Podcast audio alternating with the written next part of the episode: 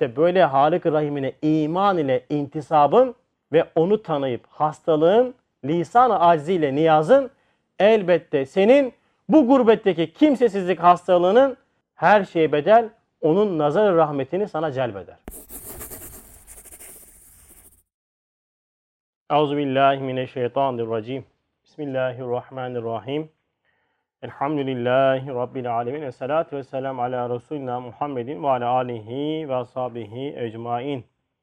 Ala Resulina Muhammedin salavat. Allahümme salli ala seyyidina Muhammedin ve ala ali seyyidina Muhammed.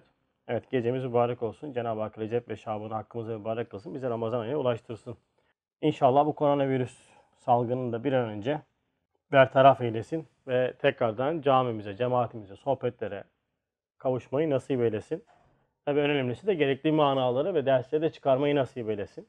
Evet, koronavirüs vesilesiyle başımıza gelen hastalık, musibet ve sıkıntılar içerisindeki hikmet, adalet ve rahmet yönlerini görmek ve böyle zamanlarda mümince bir tavır ve duruş göstermek adına 25. lema üzerine yaptığımız çalışmada 20. devaya kadar geldik. 25. lemada iki ayet-i kerime tefsir ediliyordu. Bakara suresi 156. ayet o kimseler ki başlarına bir musibet geldiğinde biz Allah'ın kullarıyız, dönüşümüz ancak onadır derler.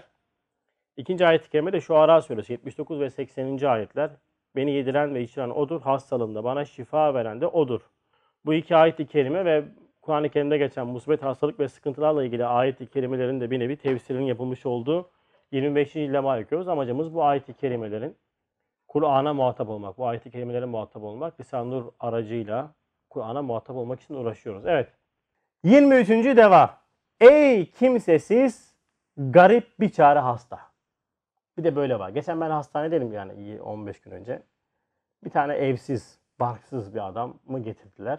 Tabi adam herhalde bayağı bir zorlu bir hayat serüveni yaşamış belli. Yani yüzü ve halet rüyesi onu gösteriyor. Yani sokakta yaşıyormuş. Bazı belirtiler gözükmüş. Düşmüş herhalde yolda vesaire. Almışlar hastaneye getirmişler acil servisle. İşte o 112 ile mi 112 herhalde getirdiler. Baktım adam garip yani. Kimsesi yok adamın belli yani. Sonra buraya çalışırken o adam aklıma geldi yani. Şimdi bakıyorsun gerçekten de bazen insan garip ve bir çare kalabiliyor. Değil mi? Öyle hastalıklar da var mesela. Öyle insanlar da var. Mesela hasta olursa etrafında insan olur büyük bir nimettir yani. Çünkü neden sana yardım ediyorlar vesaire bilmem ne. Bir de düşünsene hastasın ve kimsen yok. Büyük bir imtihan ama bak büyük bir de mükafat var şimdi. Nasıl olacak peki? Hastalığınla beraber kimsesizlik ve gurbet sana karşı en katı kalpleri dikkate getirirse. Hastalık, musibet, sıkıntı ve gurbette olsan. En katı kalpler sana ne oluyor? Yumuşuyor. Sana ne yapıyor ondan sonra? Adeta hizmetkar oluyor. Nazarı şefkati celbederse acaba Kur'an'ın bütün surelerin başlarında kendini Rahman Rahim sıfatıyla bize takdim eden bak Cenab-ı Hak 114 yerde ne diyor? Kendisini nasıl tanıtıyor bize? Bismillahirrahmanirrahim. En katı kalpler sana karşı yumuşuyorsa Kur'an-ı Kerim'in 114 ayetinde başında değil mi? Bismillahirrahmanirrahim diye kendini tanıtan, bu sıfatla kendini tanıtan, takdim eden ve bir lem'ayı şefkatiyle umum yavrulara karşı umum varideleri o harika şefkat ile terbiye ettiren ve bütün valilerde o şefkati gözüken zat. Bak bitti mi? Bitmedi. Şefkatin açılımlarını söylüyor bize. Her baharda bir cilve-i rahmetiyle zemin yüzünü nimetlerle dolduran. Şimdi bak ne yaptım? Bütün valilerin şefkatlerine nazara verdi. Bak böyle bir zat. Kendini önce 114 yerde kendini Rahman-ı Rahim olarak tanıtan zat. Yani şefkatin bir cilvesine mazhar olmuş insanlar, en katı kalpler sana karşı yumuşuyorsa, şimdi düşün, mantığını kullan. Kendini 114 yerde Rahman-ı Rahim olarak tanıtan bir zat. Sonra bütün validelerin şefkatleri bir lem'ayı tecelli olan bir zat. Sonra her bahar mevsiminde zemin yüzünde ne yapıyor? Rahmet eserleriyle sana her baharda böyle ikram eden bir zat. Yetti mi? Bitmedi daha. Devam ediyor.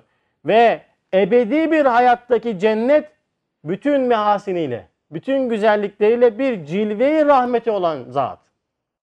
Ya rahmetin tecellilerine bakar mısın ya? Tekrar sayacağım hafız. Bu dünya hayatında ben hastalıkta anında, musibet anında, sıkıntı anında en katı kalpler bana karşı şefkat hissetmeye başlıyor. Buradan mantık kullanıyoruz şimdi. En katı kalpler yumuşamışsa. E kendini bana Kur'an-ı Kerim'de 114 defa Rahman-ı Rahim olarak tanıtan bir zatın rahmeti nasıl tecelli eder bende? Yetti mi? Yetmedi. Sonra bütün validelerin şefkatleri bir lem'ay tecelli olan bir zatın rahmeti bana nasıl celb olmuştu, tecelli olur? Yetti mi? Yetmedi. Bütün bahar mevsiminde, her bahar mevsiminde bana bütün nimetleriyle şefkatini gösteren bir zatın şefkati nasıl bana karşı yumuşamıştır tabiri caizse ben onun şefkatini celbetmişimdir. Yetti mi? Yetmedi. Cennet gibi ki bütün cennet Cenab-ı Hakk'ın rahmetinin bir cilvesi olan zatın şefkati. Böyle bir Halık-ı Rahim'in şefkati bana karşı nasıl celb olmuştur?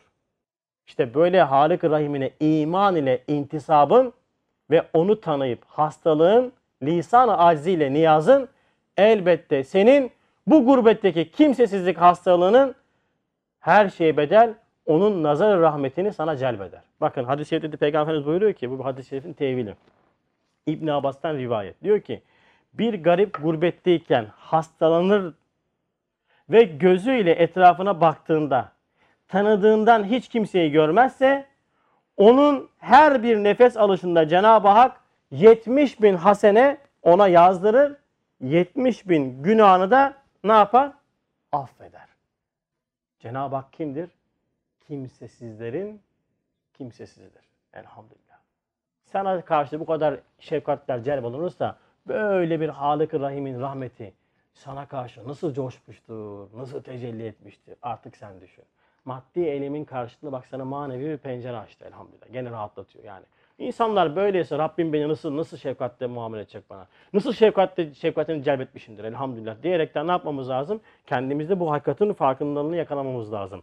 Çünkü bak madem o var sana bakar, sana her şey var. O var mı? Var elhamdülillah. O yüzden korona vesaire korkuyorlar kardeşim bizim Allah'ımız var ya. Elin Çinlisi düşünsün ya. Bizim ahiretimiz var ya. Elhamdülillah. Ölsek şehidiz. Ebedi bir alem bizi bekliyor.